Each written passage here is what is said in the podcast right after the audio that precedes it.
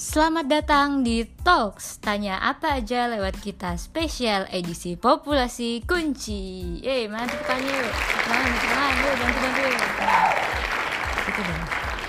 Jadi buat yang belum tahu sebenarnya ini lagi dengerin apaan sih? Talks itu apa sih? Pas banget, aku mau ngasih tahu ke kalian semua.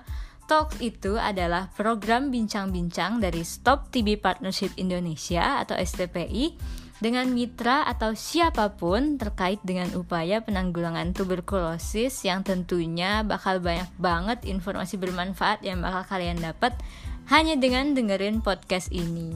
Nah, dalam episode spesial ini, STPI mengajak populasi kunci TBC, salah satunya penyintas TBC atau perwakilan organisasi HIV/AIDS untuk berbagi wawasan dan pengalaman melalui media sosial STPI. Nah, yang bikin program ini spesial adalah kegiatan ini mendukung PSBB alias kita melakukan rekamannya secara jarak jauh tanpa ketemuan sama narasumbernya. Sebelum aku memperkenalkan narasumber, aku ingin sedikit memperkenalkan Stop TV Partnership Indonesia. Karena tak kenal maka kenalan dong. Jadi, Stop TV Partnership Indonesia itu biasa kita sebut dengan STPI. Sering banget orang-orang browsing kok yang muncul Sekolah Tinggi Penerbangan Indonesia. Padahal kan bukan. Jadi, Stop TV Partnership Indonesia ini adalah lembaga masyarakat sipil yang mendukung upaya Indonesia bebas TBC melalui penguatan kemitraan lintas sektor. Bekerja di bawah Dewan Pembina dan Penasihat yang terdiri dari praktisi kesehatan, dan juga profesional di bidang kesehatan yang juga bekerja di sektor publik dan sektor swasta. Nah, itu dia terkait STPI. Mungkin ada juga nih teman-teman yang baru mendengar TBC, TB atau tuberkulosis.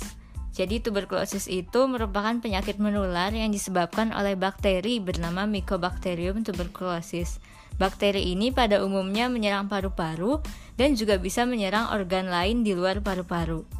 Ketika seseorang terinfeksi oleh kuman ini, maka akan muncul gejala seperti batuk-batuk selama dua minggu atau lebih, umumnya berdahak, diikuti oleh gejala lain seperti turunnya nafsu makan, sehingga berat badan turun drastis.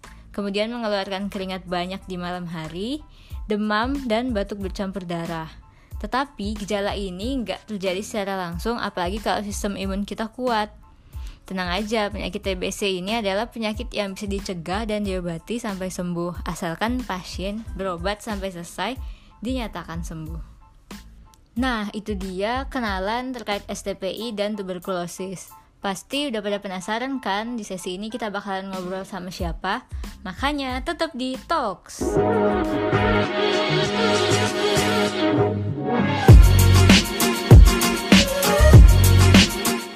Tanya apa aja lewat kita spesial hanya di kanal Stop TV Partnership Indonesia.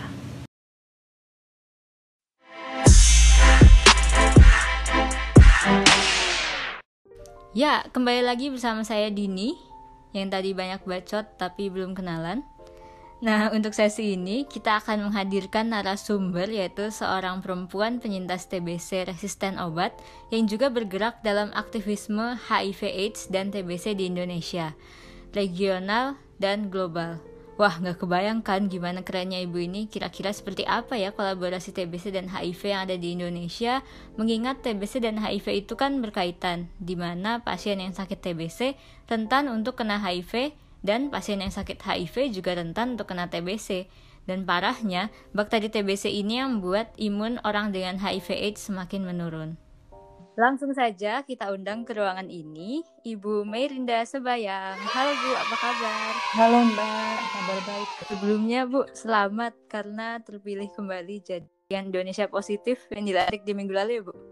Iya, Lalu kita melakukan Kongres Nasional kedua, kita mengundang um, konstituen dari 26 provinsi dari seluruh Indonesia. Dan memang ini kongresnya lima tahunan sekali. Oh berarti ibu lima tahun ke depan bakal jadi seknas. Wah keren keren. Lima tahun dapat mandat uh, menjalankan visi misinya CIP nih untuk sampai 2025. Oh boleh Bu, sekalian jelasin sedikit mengenai jaringan Indonesia Positif itu misalnya fokusnya, lingkupnya, targetnya, oh, dan okay. lain sebagainya. Mhm. Oke. Okay. Nah ya sekalian kenalan ya sama organisasinya ya. Ya betul. Oke, okay, makasih Mbak Dini. Jadi uh, jaringan Indonesia Positif itu sebenarnya diinisiasi tahun 2014 Waktu itu mulainya itu karena di tingkat nasional itu tidak ada organisasi yang merepresentasikan uh, orang yang hidup dengan HIV. Uh, jadi memang waktu tahun 2014 itu kan memang sudah ada jaringan-jaringan nasional untuk uh, beberapa komunitas uh, yang menyuarakan kebutuhan dari orang dengan HIV, tetapi jaringan orang dengan HIV-nya sendiri belum ada saat itu. Nah, jadi tahun 2014 itu uh, beberapa orang berkumpul uh, dan mengatakan bahwa wah kita butuh nih jaringan untuk uh, menyuarakan kebutuhan-kebutuhan dari ODA di Indonesia dan uh, di tahun 2014 itu kita sepakati uh, dengan nama deklarasi Pajajaran untuk membuat jaringan.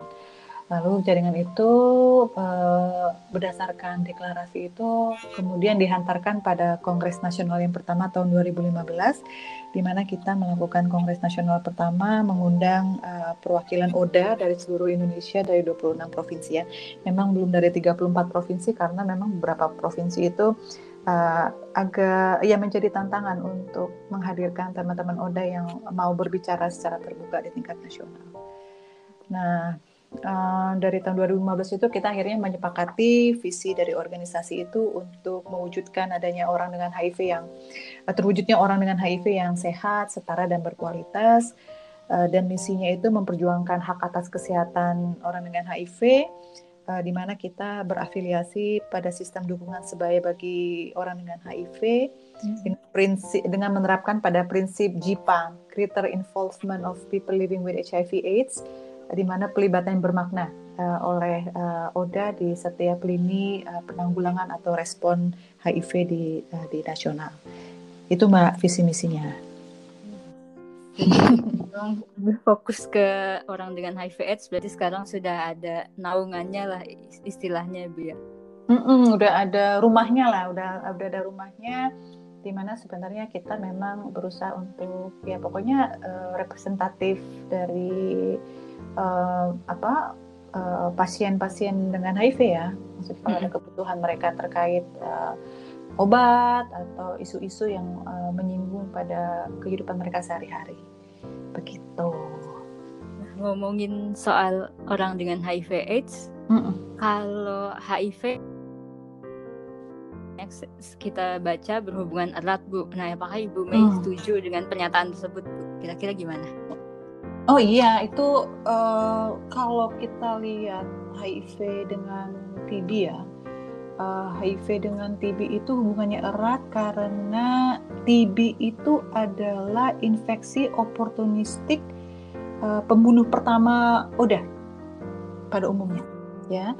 Karena um, meskipun misalnya kalau kita bicara infeksi oportunistik atau infeksi yang memang uh, apa yang biasanya menyertai pada fase-fase uh, clinical uh, pada pada fase AIDS. Nah, TB adalah uh, pembunuh biasanya kita bilangnya itu uh, silent killer ya. Uh, pembunuh pertama pembunuh pertama udah karena memang hmm, dampak TB pada orang dengan HIV dengan imunitas yang rendah itu luar biasa. Jadi kalau misalnya kalau pada orang yang uh, non HIV atau HIV negatif uh, dampak TB-nya mungkin uh, sedikit lebih lebih bukan lebih ringan sih, tetapi yang jauh yang pasti jauh lebih berat pada orang dengan HIV, gitu mbak. Dan ini juga dibuktikan pada riset-riset global yang memang uh, infeksi oportunistik yang memang uh, rentan untuk kematian pada ODA adalah TB. Makanya memang salah satu bagian penting di dalam proses-proses kerja di organisasi Jaringan Indonesia Positif ini adalah bagaimana kita mengembangkan eh, strategi-strategi uh, baru, menyuarakan-menyuarakan uh, kebutuhan-kebutuhan terkait ODA uh, yang komorbid uh, dengan penyakit tuberkulosis, gitu. Karena TB itu kan pengobatannya jangka panjang ya, ya meskipun uh, ada jaminan sembuh, tetapi uh, untuk ODA itu lebih berat karena ODA sendiri juga harus meminum obat secara teratur kan Jadi bayangkan dengan minum obat secara teratur untuk pengobatan antivirus HIV-nya, uh, ditambah dengan apabila dia memiliki TB uh, mengkonsumsi obat TB yang juga jumlahnya tidak sedikit. Belum lagi efek samping dari obat-obatan tersebut. Jadi memang ini sesuatu yang menjadi tantangan ke depan gitu. Gitu. Berat.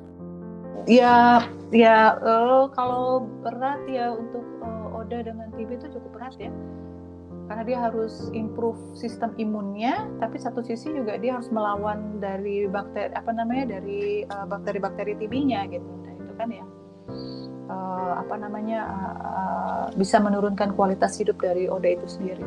Gitu. Jadi kalau kalau Oda dengan TB itu um, dari dari apa namanya cerita-cerita anggota kami uh, itu cukup berat selain karena efek samping dari obat-obatan juga efek dari uh, penyakit itu sendiri juga membuat kualitas hidup mereka menurun. Susah makan uh, kurus kemudian apa ya hmm, belum lagi uh, dampak-dampak lainnya ya. Bisa bisa bisa bisa ada gangguan pada kulit ada gangguan pada hal lainnya. Dan TB itu kan nggak hanya menyerang pada paru kan? Gitu. Mm -mm. Mm -mm. dan bisa dibayangin tuh kan TB aja minum obatnya banyak banget kan ditambah minum obat HIV juga iya makanya uh, kalau kalau untuk uh, ODA ya khususnya orang dengan HIV itu uh, bagi mereka yang baru baru mengetahui uh, status HIV-nya itu sangat kita sarankan untuk cek TB-nya langsung kan hmm. karena kan hmm. karena kan takutnya kan pada saat dia ketahuan HIV positifnya ternyata juga sudah ada kuman TB kan di dalam tubuhnya sehingga pada saat imunnya rendah itu agak akan kalau misalnya imunnya sudah dalam status yang rendah akan sangat rentan TB-nya akan muncul karena do, karena karena memang uh, pada orang dengan HIV yang uh, baru tahu statusnya itu uh, kita khawatirnya itu mereka sudah dalam stage atau uh, kondisi pada imun yang sangat rendah. Nah kalau TB-nya kalau TB-nya nggak dicek tiba-tiba masuk obat TB-nya muncul, wah kasihan kan kebayang uh, dia mereka fightingnya itu untuk penyakit itu uh, seberapa besar gitu.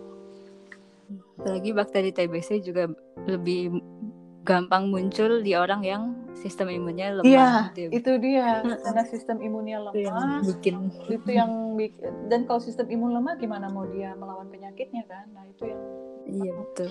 Memang sangat apa sangat sangat rentan apalagi uh, beberapa penyakit uh, apa namanya primary HIV itu kan sangat terkait dengan diare, kemudian wasting ya, penurunan berat badan yang berlebihan. Sedangkan untuk melawan TB itu kan uh, harus punya kekuatan tubuh dan berat badan yang cukup kan untuk melawan TB. Mm -hmm. Jangan bayang kalau udah ada HIV terus ada TB, waduh. Maka itu kita sangat mendukung tuh kalau misalnya apa pemerintah itu benar-benar menggalakkan apa namanya pengobat, uh, bukan pengobatan, uh, apa uh, pencegahan TB kan sekarang sudah ada tuh yang namanya TPT itu mm -hmm. TB prevention. TPT itu. Uh, uh. Kalau misalnya teman-teman ODA yang baru tahu statusnya, kemudian TB-nya belum uh, apa namanya belum muncul gitu ya atau tidak ada gitu, sebaiknya meng menggunakan obat itu sebagai pencegahan. Gitu. Tambah lagi kita lagi apa masa pandemi COVID ya Bu. Iya, ini makin sulit ke akses ke layanan, terus pengobatannya juga terbatas. Betul. Uh, itu gimana tuh Bu kira-kira? Ya, menurut Ibu? Aduh, jadi gini sebenarnya uh, HIV itu kan udah ada stigmanya tersendiri ya mm-hmm. uh, stigma sendiri jadi orang aja dengan baru tahu status HIV aja uh, mereka juga masih agak ragu dan enggan ya untuk uh, datang ke layanan kesehatan ke rumah sakit ke puskesmas gitu ya karena ketakutan kan. Takut statusnya nanti terbuka takut diketahui tetangga takut diketahui pasangan atau keluarga kalau misalnya mereka datang pengobatan gitu. Bayangkan misalnya dalam masa pandemi COVID ini sudahlah mereka punya stigma uh, apa stigma terhadap diri sendiri ditambah dengan pandemi covid ini yang yang memang akses ke layanan kan menjadi sedikit terhambat ya yeah. beberapa beberapa layanan itu sekarang sudah berubah fungsi kan menjadi layanan hmm. untuk uh, pasien covid misalnya yeah, betul. Uh, atau ada beberapa kasus terakhir ini yang kita dapat itu beberapa layanan HIV itu yang untuk pengambilan obat kayaknya ini juga sama terjadi pada layanan TB itu hmm. karena uh, beralih fungsi menjadi layanan COVID itu akhirnya si pasien juga kebingungan dia mesti nyari obatnya ke mana gitu. Belum lagi kalau misalnya layanan itu sebagian besar petugas kesehatannya kena COVID. Wah. Nah ini ini ini kejadian nih kalau nggak salah beberapa di beberapa puskesmas dan rumah sakit di Jakarta. Oh gitu. petugas-petugas kesehatannya tuh kena COVID kan jadi pada diisolasi kan. Mm-hmm. Jadi pasien sendiri jadi takut kan datang ke datang ke layanan. Gitu. Iya. Mm-hmm. Pada takut tertular juga, takut stigma juga. Iya, takut terbatas. Tertular, takut stigma belum lagi iya kalau obatnya ada kalau nggak ada obatnya makanya kan ini memang uh, pandemi ini membuat sesuatu yang sudah punya tantangan menjadi lebih buruk kan gitu. Mm-hmm. kita udah punya kita udah punya tantangan sebelumnya untuk pengobatan TB dan juga pengobatan HIV ada isu apa stok yang terbatas untuk obat-obatan, ada isu stok obat yang memang tidak ada di layanan kesehatan, ditambah sama pandemi COVID ini ya. Memang jadi tantangan bersama sih buat kita sekarang.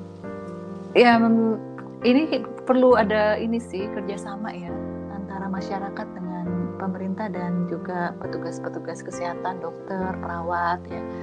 Karena uh, kita kan nggak bisa mendiamkan situasi ini ya. Karena gimana pun uh, pendekatan public health atau kesehatan masyarakat kan harus mengedepankan uh, apa namanya uh, kesehatan sebagai sebagai dasar untuk kekuatan kebangsaan sih sebenarnya ya pertahanan kebangsaan itu kan adalah penduduk yang sehat ya.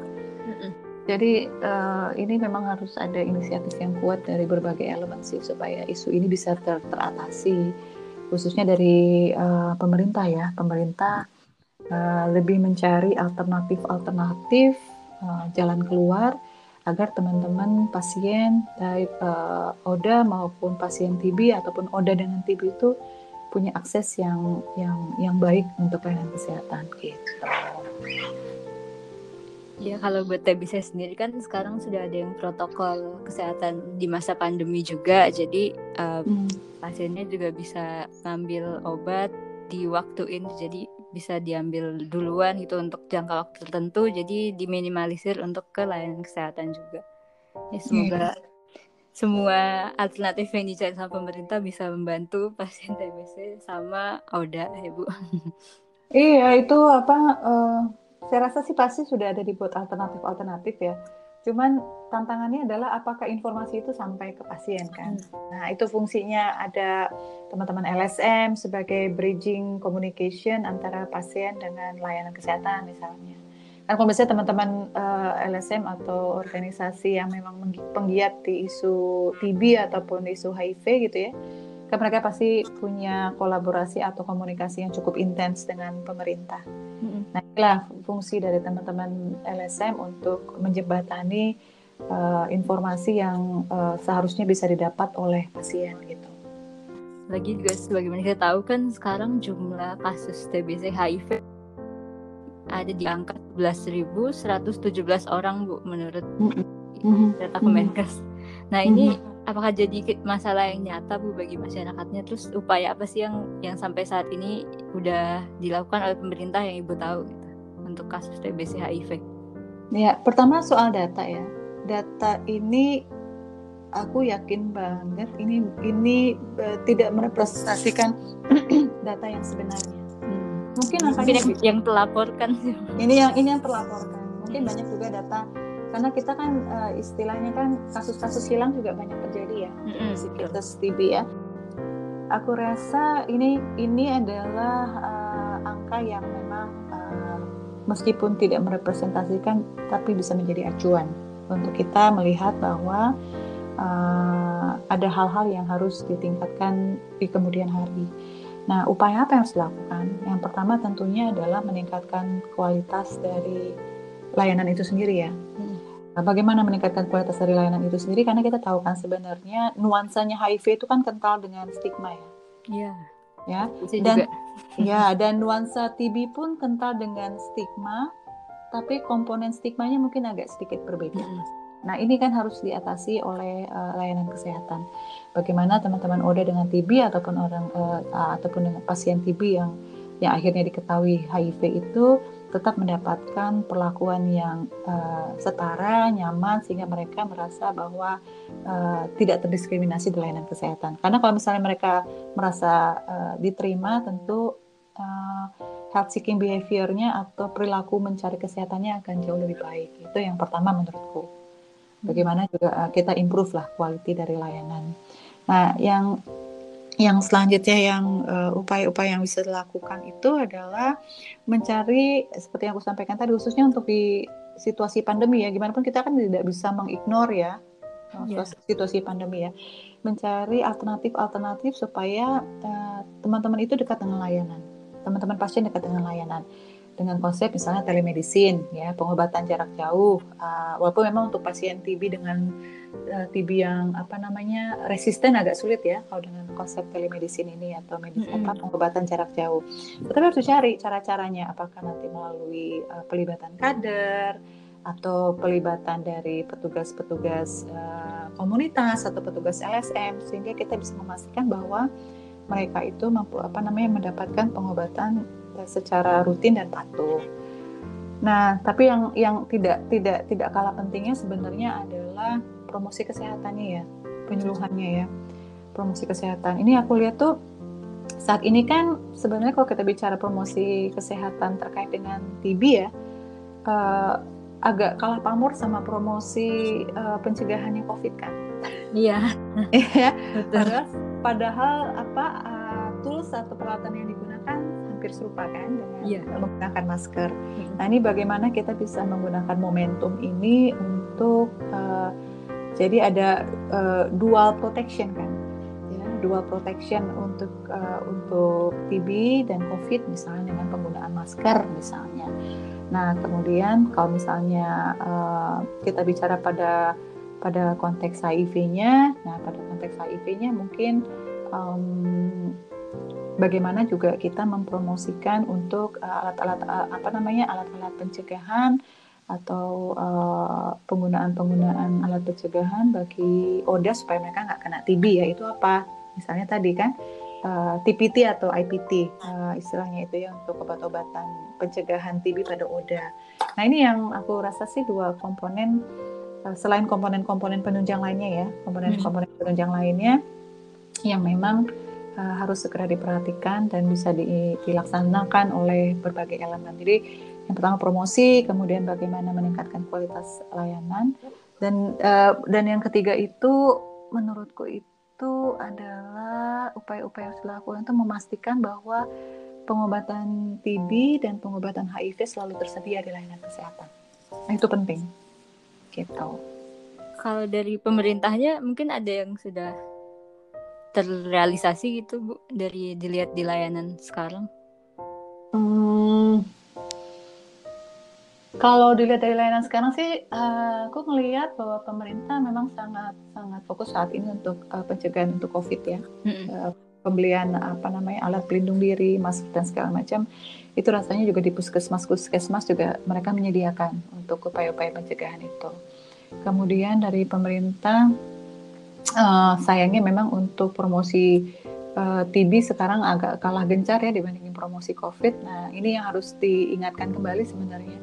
Uh, karena kan TB ini kan salah satu prioritas uh, apa program prioritas pemerintah ya. Iya. Karena angka estimasi orang dengan TB di kita tuh hampir hampir satu juta dan ranking ketiga di dunia ya untuk jumlah jumlah kasus. nah ini jangan apa uh, kita jangan juga lengah uh, karena untuk untuk TB dan COVID ini menurutku ya, ini menurutku itu uh, ada sesuatu kaitan yang sangat erat karena sama-sama mengganggu infeksi uh, pernafasan kan. Nah, uh, aku rasa sih sebenarnya uh, kalau untuk alat pencegahan sudah terrealisasi, untuk pengobatan, nah untuk pengobatan disampaikan juga oleh Kementerian Kesehatan tidak ada stock out sih sebenarnya saat ini, hmm. tapi teman-teman uh, apa namanya pasien juga harus terus diingatkan untuk berobat secara teratur dan teman-teman LSM untuk membantu supaya stock out tidak terjadi. Itu sih. Kalau yang TBC HIV-nya, Bu? Uh, untuk TB HIV itu gini, TB HIV itu kan kom, agak complicated ya untuk complicated hmm. terkait dengan pengobatannya, tapi sudah ada panduan kan, sudah ada panduan pengobatan. Nah itu uh, panduan pengobatan yang berdasarkan guideline dari WHO itu uh, itu kan memang sudah digunakan saat ini. Uh, nah tapi yang memang yang paling penting untuk khususnya teman-teman uh, TB dengan HIV atau HIV dengan TB, uh, yang pertama adalah ketika sudah tahu status HIV-nya harus segera mengecek untuk status kesehatan TB-nya. Dan bagi orang yang sudah tahu bahwa dia apa namanya mengidap TB harus juga segera melakukan tes HIV-nya karena ini memang apa namanya komorbid yang kuat ya koinfeksi yang yang yang yang berhubungan kuat satu sama lain. Nah setelah itu ketika diketahui pasien TB punya HIV atau ternyata pasien HIV punya TB harus merencanakan pengobatannya. Dicek nih dicek uh, pengobatannya kan jangka panjang tuh. Harus bisa harus harus jadi pasien berdaya lah maksudnya. Komunikasi dengan pihak uh, kesehatan yaitu dokter uh, merencanakan pengobatan yang paling aman dan paling nyaman buat si pasien. Kemudian jangka waktunya berapa lama kemudian uh, sistem dukungan di rumahnya udah ada belum? Apabila sewaktu-waktu mereka membutuhkan bantuan uh, untuk uh, um, apa namanya untuk menjalankan kehidupannya sehari-hari. Karena memang untuk pasien uh, eh, HIV dengan TB ya atau pasien TB dengan HIV itu dalam menjalankan pengobatan di bulan-bulan pertama itu agak berat juga mbak hmm. Hmm. harus ada harus harus ada support system di dalam di lingkungan terdekatnya yaitu misalnya keluarga kalau memang keluarganya tidak bisa support apakah ada uh, sistem dukungan dari komunitas uh, apa dari komunitas mantan pasien penyintas yeah. gitu ya penyintas hmm. yang bisa memberikan support buat mereka dan itu penting banget karena juga beberapa dampak apa efek samping dari obat TB juga kan uh, akan sangat mempengaruhi kualitas hidup dan mental sebenarnya karena pengobatan jangka panjang gitu. Untuk pasien harus banget cek status kesehatan mm -mm. dari kedua penyakit tuh misalnya harus cek TBC juga HIV juga perlu tahu. Iya, sebaiknya itu uh, ya sama-sama apa ya? Uh, itu masalahnya memang sobatan erat sih TB sama HIV, TB sama TB, makanya uh, harus kerjasama antara uh, apa layanan atau dokter yang ngurusin TB-nya sama dokter yang ngurusin HIV-nya. Itu harus kerjasama supaya si pasiennya itu damp, apa efek dari pengobatan yang jalan itu tidak terlalu berat gitu. Gitu. Oke deh. Kalau tadi Bu kan kita sempat ngomongin ada masih ada stigma di pasien hmm. TBC dan orang dengan HIV/AIDS untuk mendapatkan layanan pemeriksaan. Hmm. Nah, kalau misalnya itu kira-kira bagaimana Bu itu biar tidak terjadi lagi di layanan kesehatan misalnya? Oke, okay. karena kalau kita bicara stigma ya, sebelum hmm. kita bicara stigma uh, di layanan kesehatan ya, yang akhirnya uh, berwujud dalam bentuk diskriminasi di uh, layanan. Hmm. Sebenarnya stigma itu kan levelnya banyak ya stigma itu kan yang paling dekat tuh stigma terhadap diri sendiri ya. Kemudian ada stigma dari orang terdekat yaitu pasangan atau keluarga. Kemudian stigma dari lingkungan masyarakatnya atau lingkungan sosial terdekatnya. Baik lingkungan tetangga tempat kerja pendidikan. Kemudian ada lagi stigma dari layanan kesehatan kemudian stigma struktural yaitu stigma yang memang misalnya dari uh, kebijakan aturan undang-undang dan lain sebagainya Nah, eh, ke semua stigma ini aku yakin untuk pasien dengan TB, pasien dengan HIV maupun eh, pasien dengan TB dan HIV itu sama-sama mengalaminya. Walaupun mungkin kadarnya beda-beda dan konteksnya mungkin beda-beda. Nah, sekarang kalau kita bicara bagaimana menanggulangi stigma itu, nah tentu kalau misalnya ter stigma terhadap diri sendiri, yang paling penting itu kan sebenarnya memperkuat uh, diri dengan informasi ya memperkaya diri dengan informasi, mempelajari apa yang terjadi dalam tubuhnya, mempelajari penyakitnya, mempelajari pengobatannya sehingga dia mempunyai kepercayaan diri bahwa oh I'll be fine gitu. Saya akan baik-baik aja selama saya bisa mengikuti proses pengobatan ini dengan patuh, eh, teratur dan sesuai dengan apa yang diresepkan oleh dokter. Nah, ini stigma terhadap diri sendiri itu bisa hilang dengan kekuatan diri sendiri sebenarnya. Nah, bagaimana dengan stigma terkait dengan pasangan ataupun keluarga? Ini juga kan sebenarnya masalahnya di informasi ya. Masalahnya di informasi. Nah, untuk stigma terkait terkait dengan interpersonal ini, uh, ini tentunya juga ada proses yang harus dilalui. proses yang dilalui ya memang harus dialog, berdiskusi, menyatakan orang-orang yang memang bisa didengar oleh pasangan atau keluarga kita yaitu misalnya dokter misalnya. Nah sekarang terkait dengan stigma tempat uh, di lingkungan atau tempat kerja atau pendidikan, nah ini kalau yang uh, untuk untuk TB ya, yang aku dengar tuh lebih banyak stigmanya tuh terkait dengan stigma di lingkungan sama stigma di tempat kerja karena ada beberapa kasus meskipun uh, uh, belum terdokumentasi dengan baik, tapi ada kasus-kasus di mana uh, orang dengan TB itu kan dikeluarkan dari pekerjaannya akibat dia mengidap TB kan. Nah, untuk stigma-stigma ini tentu apa yang harus dilakukan adalah tentunya advokasi ya. Nah, advokasi ini kan tentu tidak bisa dilakukan oleh pasien itu sendiri kan. Betul. Tentunya ini adalah uh, apa namanya role atau peran dari uh, penggiat-penggiat atau aktivis-aktivis dari uh, dari program TB ataupun juga misalnya program dengan HIV karena ini kondisinya sebenarnya agak-agak mirip sama uh, situasi HIV terkait dengan stigma dari lingkungan dan uh, pendidikan ataupun tempat kerja. Nah tentu ini advokasi dan aku ngeliat sih sebenarnya saat ini juga sudah ada sedikit progres ya karena di dalam undang-undang ketenaga kerjaan itu juga uh, sudah sudah menyat, sudah memuat mengenai Eh, perusahaan-perusahaan itu uh, melaksanakan K3, men menyediakan asuransi kesehatan, kemudian yes. tidak diperbolehkan untuk memecat orang apa, nah dan lain sebagainya. Hmm. Itu hanya bagaimana kita bisa menguat, apa, mengetahui dari regulasi-regulasi ini dan bisa menggunakannya sebagai alat advokasi. Nah, sekarang stigma layanan kesehatan stigma layanan kesehatan sih uh, mungkin di kota-kota besar sudah agak menurun ya untuk TB maupun untuk HIV. Uh, tetapi memang uh, yang harus diperhatikan terkait dengan stigma layanan kesehatan itu adalah uh, menyediakan alat-alat uh, pelindung diri bagi petugas kesehatan sih sebenarnya. Hmm. Kan mereka stigma karena takut yes. ya. Kan? mereka stigma karena takut. Jadi memang harus menyediakan infrastruktur yang menjamin keamanan bagi petugas kesehatan saat melaksanakan pekerjaannya.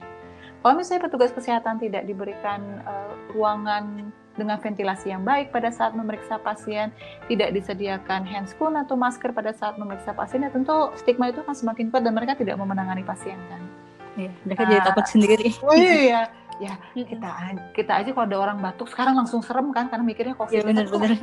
iya kan? Gitu kan? Ada orang ada orang bersin sedikit aja kita langsung ah, langsung heboh gitu kan cari cari masker dan segala macam. Iya nah Iya, padahal sebenarnya tingkat kerentanan orang terpapar dengan TB juga jauh lebih berat kan sebenarnya. Tapi Betul. Uh, uh, apa namanya? Uh, inilah yang yang yang yang menurutku tuh harus kita perhatikan bahwa untuk menghilangkan stigma juga kita harus memastikan bahwa si petugas layanan kesehatan juga terjamin ya keamanan dirinya supaya tidak terinfeksi. Kayak sekarang aja kan kita banyak pas apa namanya petugas kesehatan terpapar COVID aja aku sedihnya minta ampun gitu kok bisa hmm. gitu ya. Hmm. Nah ini juga ini juga hal yang berlaku sama untuk um, uh, apa namanya petugas layanan kesehatan yang memang menangani TB. Begitu juga dengan penanganan pada pasien dengan HIV. Nah lalu untuk stigma-stigma lainnya yang yang misalnya sifatnya regulasi atau struktural apa eh, kebijakan-kebijakan gitu. Tentu yang ini juga menjadi role-nya bukan bukan bukan bukan hanya role-nya pasien ya karena pasien kan dia pada lingkup yang sangat kecil ya tapi tentu role-nya penggiat-penggiat atau aktivis-aktivis untuk melakukan advokasi. Gitu.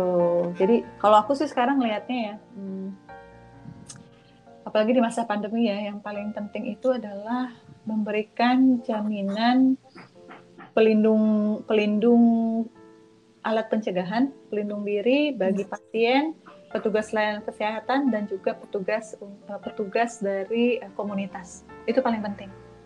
Ya, jadi tidak hanya pasiennya aja yang harus pakai APD, tapi iya, semuanya juga harus pakai iya. APD. Mm -mm. jadi uh, ya harus ya balance ya. Jadi maksudnya kita menyuarakan kebutuhan pasien. Tapi jangan lupa petugas kesehatan ini kan juga mereka yang punya punya peran sangat kuat untuk memastikan kita sehat kan. Oh, Jadi betul. ya itu juga harus diproteksi kan. Jangan jangan kita cuma nuntut-nuntut mereka untuk tidak menstigma, tapi kita nggak menyiapkan alat perang mereka juga gitu di lapangan kan nggak fair. Gitu. Iya. Perang tanpa alat perang serem. iya serem kan gitu. Sekarang aja aku kalau misalnya orang nggak pakai masker aja udah parno duluan gitu. Nah ya pasti orang apa petugas kesehatan juga kalau misalnya ada pemeriksaan pasien TB, oh udah serem duluan juga. Gitu. Jadi melindungi diri sendiri, melindungi orang lain juga. Mm -mm. Dan apalagi kan di di puskesmas puskesmas itu harus diperhatiin infrastrukturnya ya. Kan mm -hmm. pasien TB kan di pada pemisahan butuh uh, ventilasi yang cukup, ruangannya juga harus yang mumpuni lah gitu ya. Yeah. Memang memang apa uh, punya kualitas yang baik lah dari infrastrukturnya. Bayangin kalau misalnya pemeriksaan dahak pasien, ruangannya tertutup, terus uh, sempit, terus uh, dengan antrian panjang, dengan kerentanan untuk penularan tinggi ya, ya orang juga kagak mau kali datang. Iya betul. Oh, oh, gitu mbak. Iya bu. Oh ya bu kalau saya baca-baca nih, ibu hmm. kan sebagai ibu juga ter, termasuk sebagai anggota perkumpulan penyintas TBC, mm -hmm. anggota TB Women dan delegasi komunitas dalam Dewan Stop TB Partnership Global, Bu. Mm-mm, diborong. Waduh. Nah, gimana nih menurut Ibu terkait peran penyintas TBC untuk ambil andil dalam jaringan aktivis global? Keren banget sih Bu bisa sampai anggota Dewan Stop TB Partnership Global. itu sebenarnya nggak keren, Mbak. Itu tanggung jawabnya gede banget. Jadi uh. takut sendiri kalau misalnya orang uh, misalnya orang minta ini ya, minta input gitu ya. Mm-hmm. Bu ini gimana gimana ibu kan dewan kesannya tuh oh aku tuh mesti ngasih statement yang bagus ya. Aku tuh mesti aku tuh mesti jadi beban ya.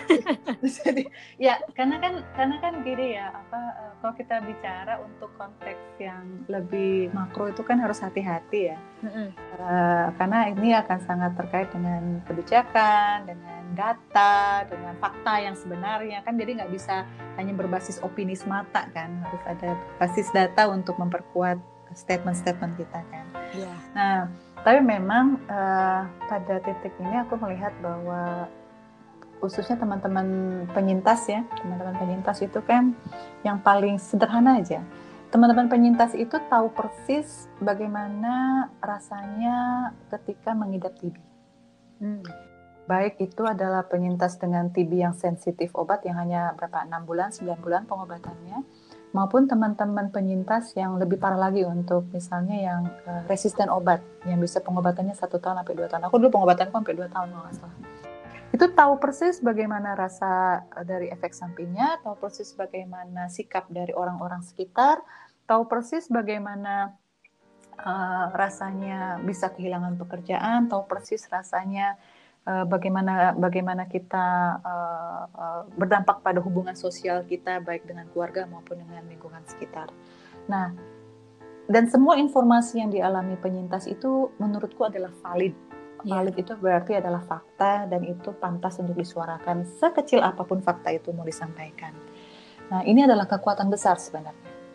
Jadi uh, aku melihat bahwa pada tataran yang paling sederhana uh, pelibatan penyintas TB pada level itu itu aja sudah menjadi kekuatan besar untuk mengubah situasi. Minimal untuk dirinya sendiri. Karena kalau kita bicara pada level yang lebih tinggi lagi untuk level kebijakan itu nanti memang prosesnya juga tidak bisa tidak bisa uh, dilakukan secara instan ya.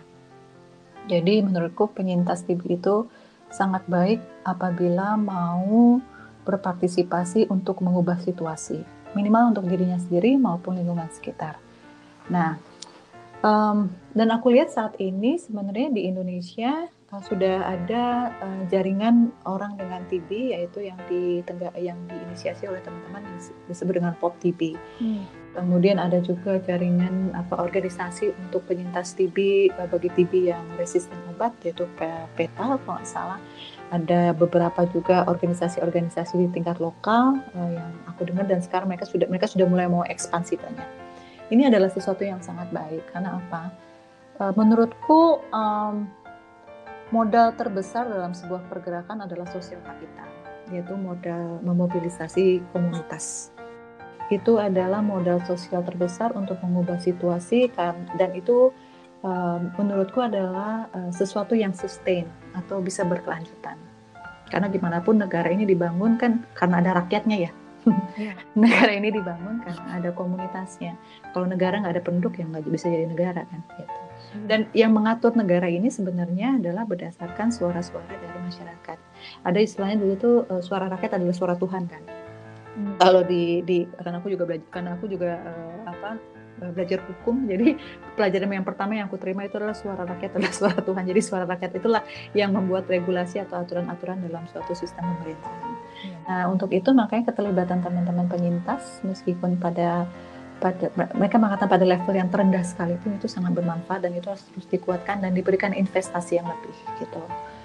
Um, sekarang saya gini yang aku lihat ya program-program TB atau program-program penyakit kronis lainnya itu sebagian besar bukan sebagian besar mungkin sekarang sudah ada perubahan tetapi ada beberapa bagian yang mereka yang yang yang pendekatannya itu lebih kepada pendekatan penyedia layanan misalnya atau penyedia atau pelaksana program. Tetapi bukan program yang memang berdasarkan kebutuhan si pasien atau penerima manfaat ya kan? Ini kan sesuatu yang sesuatu yang sesuatu yang lucu ya.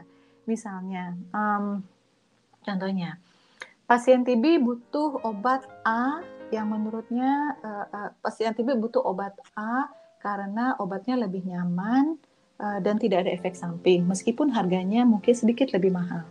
Tetapi penyedia layanan mengatakan ah enggak lebih baik kasih obat B karena harganya murah sehingga secara secara pembiayaan uh, negara tidak perlu mengeluarkan biaya yang lebih besar. Ini kan aneh ya. Yeah Anehnya adalah penyedia layanan berpikir pada efisiensi uh, efisiensi budget, tetapi tidak memikirkan manfaat yang sebesar-besarnya untuk penerima manfaat. Nah ini yang harus di, di, di, di, dikawinkan bagaimana supaya budgetnya efisien, tetapi manfaatnya lebih besar untuk penyedia manfaat. Nah di sinilah komunitas komunitas penyintas harus masuk, gitu. Nah itu jadi uh, uh, menurutku sekarang sudah mulai kuat ya teman-teman penyintas TB untuk mulai bersuara Nah, tapi yang paling penting adalah uh, bagaimana teman-teman penyintas TB ini bisa mandiri, bisa bersuara secara independen sehingga uh, bisa menentukan arah-arah kebijakan ke depan untuk uh, yang, yang yang bisa memberikan manfaat sebesar-besarnya untuk pasien. Gitu Mbak Dini. Karena yang merasakan juga pasiennya sendiri, jadi mm -mm. pasti lebih tahu apa sih yang lebih baik buat mereka. Iya, Mbak, sederhana sederhananya gini aja lah sebenarnya uh, kita biasanya uh, makan uh, makan nasi putih gitu ya, hmm. makan nasi putih. Uh, dan itu uh, yang membuat kita uh, ya, selain faktor kebiasaan itu juga merasa lebih sehat dan apa namanya manfaatnya lebih baik buat tubuh misalnya. Tapi yang disediain misalnya jenis nasi yang lain misalnya, jenis nasi yang lain yang lebih murah tetapi tidak tidak membuat kita kenyang dan juga tidak membuat kita lebih sehat gitu. Hmm. Nggak bisa jadi harus uh, lihat perspektif pasien, tetapi juga mempertimbangkan sisi-sisi uh, efisiensi dari penyedia layanan. Gitu. Ini kan biasanya konfliknya kan di situ. Hmm. Jadi makanya ketemu. Hmm, makanya penyintas TB harus masuk. Jadi tetap menyuarakan kebutuhannya. Nah, uh, kemudian ada teman-teman penggiat yang bisa menganalisis situasi ini, mengawinkan keduanya sehingga government bisa, pemerintah bisa tetap jalan dengan efisiensi. Karena eh, kalau kalau kita bicara soal pembiayaan, pemerintah juga isunya kan nggak cuma TB doang kan, misalnya ada penyakit HIV, ada penyakit malaria, ada penyakit apa kusta dan lain sebagainya kan harus ditanganin juga. Hmm. Tapi ya itu ya kita uh, kita harus cari solusinya bersama. Gitu. Kita masuk ke ini Bu harapan Ibu untuk pengendalian koinfeksi TBC HIV dan untuk turut serta mengatasi masalah itu di Indonesia terutama di pas COVID-19 ini Bu kira-kira harapannya seperti apa Bu? Uh, harapanku yang pertama adalah untuk pemerintah ya mm-hmm. uh, untuk mempertegas sebenarnya arah arah pengendalian kesehatan ini seperti apa gitu khususnya untuk TB. TB ini sudah menjadi prioritas pemerintah. Tetapi langkah-langkah untuk uh, uh, memperlihatkan bahwa di prioritas ini kayaknya perlu dikuatkan gitu. Dan aku belum melihat itu secara jelas ya. Karena kemarin sudah ada komitmen pemerintah TB masuk program prioritas tapi kemudian what next gitu. Kalau hanya komitmen di dalam acara seremonial ya everybody can do that gitu everybody can say that. Tapi apakah itu dia jawantakan dalam implementasi sehari-hari apakah sudah dilakukan? Itu yang pertama. Yang kedua adalah aku melihat bagaimana kita bisa menguatkan mobilisasi komunitas penyintas TB. Seperti yang aku bilang tadi kan mereka adalah sebenarnya adalah uh, ujung tombak untuk memberikan pembaharuan di dalam uh, apa namanya pengembangan program-program TB. Suara mereka harus didengar. mereka harus ditempatkan di dalam posisi yang setara. Uh, mereka mereka harus di, di, diberikan investasi yang lebih kuat supaya mereka uh, uh, bisa punya uh, posisi uh, dalam membu uh, dalam mempengaruhi kebijakan. Itu yang kedua. Yang ketiga, uh, untuk teman-teman penggiat TB, LSM, aktivis atau apa pun, uh, coba melihat dari sisi kepentingan uh, penerima manfaat kemudian berkolaborasi juga antara komunitas eh, penggiat HIV dan penggiat TB. Karena kayaknya masing-masing kerjanya masih masing-masing nih, belum belum ada kolaborasi yang kuat antara penggiat HIV dengan penggiat TB. Jadi masih kerja silo lah, masih ya gue ngurusin HIV doang, lu ngurusin TB doang. Kita harus bisa mengawinkan itu uh, dan mencapai solusi bareng-bareng. Dan yang dan yang paling penting sebenarnya adalah untuk uh, pasien TB sendiri ya, uh, pasien TB dengan HIV atau pasien HIV dengan TB Hmm, kita tidak bisa melakukan apa-apa kalau kita nggak sehat sih. Itu istilah, itu sederhananya. Uh, yang paling penting adalah bagaimana uh, teman-teman uh, orang dengan TB ataupun orang dengan HIV itu bisa mempunyai uh, health seeking behavior yang kuat atau bagaimana dia bisa memastikan bahwa dia punya mempunyai kesehatan yang baik caranya bagaimana ya semua orang punya mekanismenya sendiri dan punya caranya masing-masing gitu. Kalau misalnya kita punya mimpi, kita punya harapan untuk masa depan ya tentunya kita harus sehat dan bagaimana kita untuk sehat ya teman-teman harus belajar gitu untuk cari tahu bagaimana untuk sehat gitu. Dan salah satu jalan untuk menuju sehat adalah knowledge is power itu. Harus mau belajar, harus mau baca, harus uh, bisa berinteraksi, bisa bisa diskusi, bisa uh, sharing pengalaman dengan sesama penyintas supaya uh, apa namanya menguatkan informasi dan pengetahuan masing-masing. Karena yang paling penting sih menurutku sih kalau kita mau punya uh, mewujudkan masa depan uh, di kemudian hari itu ya tentunya kita harus dalam kondisi yang sehat jasmani dan rohani kalau kata orang zaman dulu sih.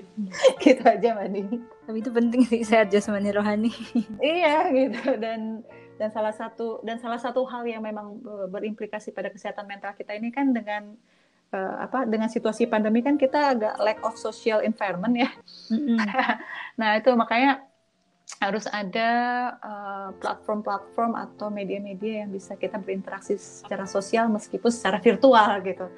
Nah itu harus harus tetap dikembangin dan di, mungkin di provide lah atau di, diberikan difasilitasi oleh teman-teman penggiat baik TB maupun HIV gitu. Jadi kalau misalnya mau sehat jasmani doang, obat obat TB-nya tersedia, obat uh, ARV-nya tersedia, tapi kalau uh, mentalnya mendapatkan gangguan juga menjadi percuma rasanya. Iya. Itu harus di harus diingatkan juga, harus diselaraskan juga untuk isu apa namanya uh, kesehatan mental. Gitu, Mbak. Penting dukungan dari orang-orang terdekat biar mm -mm. jasmani rohaninya balance. Betul.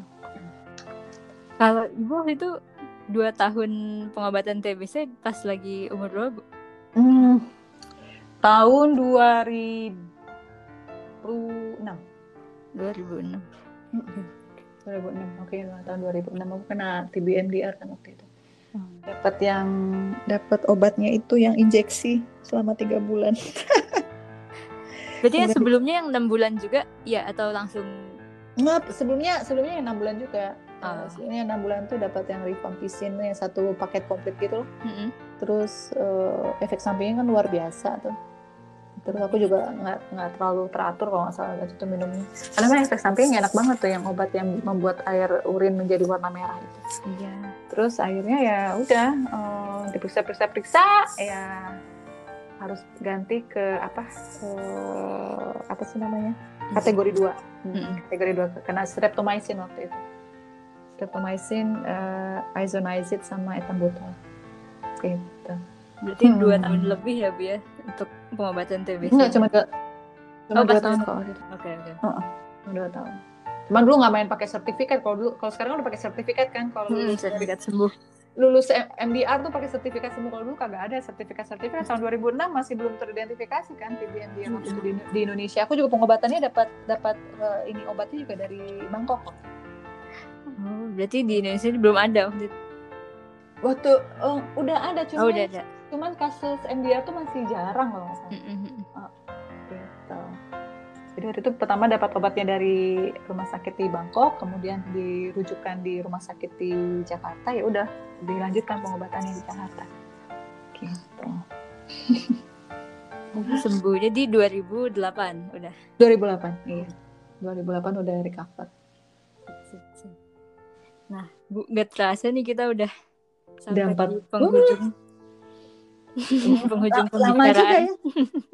Ya sebelum sebelum masuk ke penutupan nih mau minta pesan-pesan apa mungkin yang mau disampaikan oleh Ibu Mei pada buat pasien TBC HIV Eh, aku rasa apa eh, sikap untuk survive itu harus ada ya. Hmm. kalau mau sehat ya Eh, dan eh, lakukan selangkah demi selangkah dalam pengobatan. Jadi eh, ekspektasi boleh tetapi lakukan secara bertahap gitu untuk kesembuhan. Eh, itu yang paling penting sih. Yang penting eh, resilient istilahnya. Resilient itu apa ya bahasa Indonesia nya gigih lah. Ya gigih konsisten terhadap pengobatan. Nanti kalau misalnya eh, resist apa eh, konsisten terhadap pengobatan insya Allah juga eh, apa kesembuhan itu akan datang. Gitu. Aku nggak muluk-muluk untuk pasien sih, untuk pasien HIV dengan TB atau TB dengan HIV eh, jalanin pengobatan dengan apa namanya dengan semangat ya, semangat survivor eh, dan lakukan secara konsisten, konsisten dan resilient itu aja. berarti harus bisa kuat untuk uh, menyelesaikan pengobatannya sampai Hmm. sembuh perlu juga dukungan dari teman-teman dan keluarga sekitarnya Iya. Betul-betul bisa sehat jasmani dan rohaninya Betul, betul. Itu yang paling penting sih. Pertama itu dulu harus harus ada kesadaran dari pasien, kemudian didukung dengan sistem dukungan yang ada di lingkungan sekitar, yang baik dari keluarga maupun dari teman-teman. Gitu.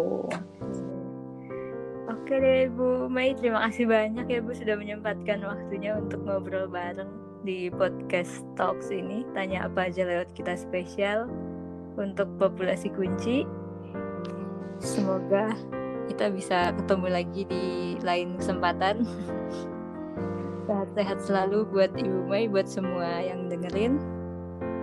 Oke, makasih banyak ya Mbak Tini dan eh, Mbak Dini dan Stop TB Partnership Indonesia ya, sukses terus ya dan terima kasih buat kontribusinya dalam program TB nasional. Ya, sukses terus juga buat Ibu Mei. Semoga selalu sehat. Kita semua dilindungi. Amin, amin. Amin. amin. Ya, itu dia tadi sesi ngobrol seru kita bareng dengan Ibu Merinda Sebayang. Sampai jumpa lagi di episode selanjutnya di Talks. Tanya apa aja lewat kita spesial edisi Populasi Kunci. Sampai jumpa, selamat beraktivitas kembali. Dadah.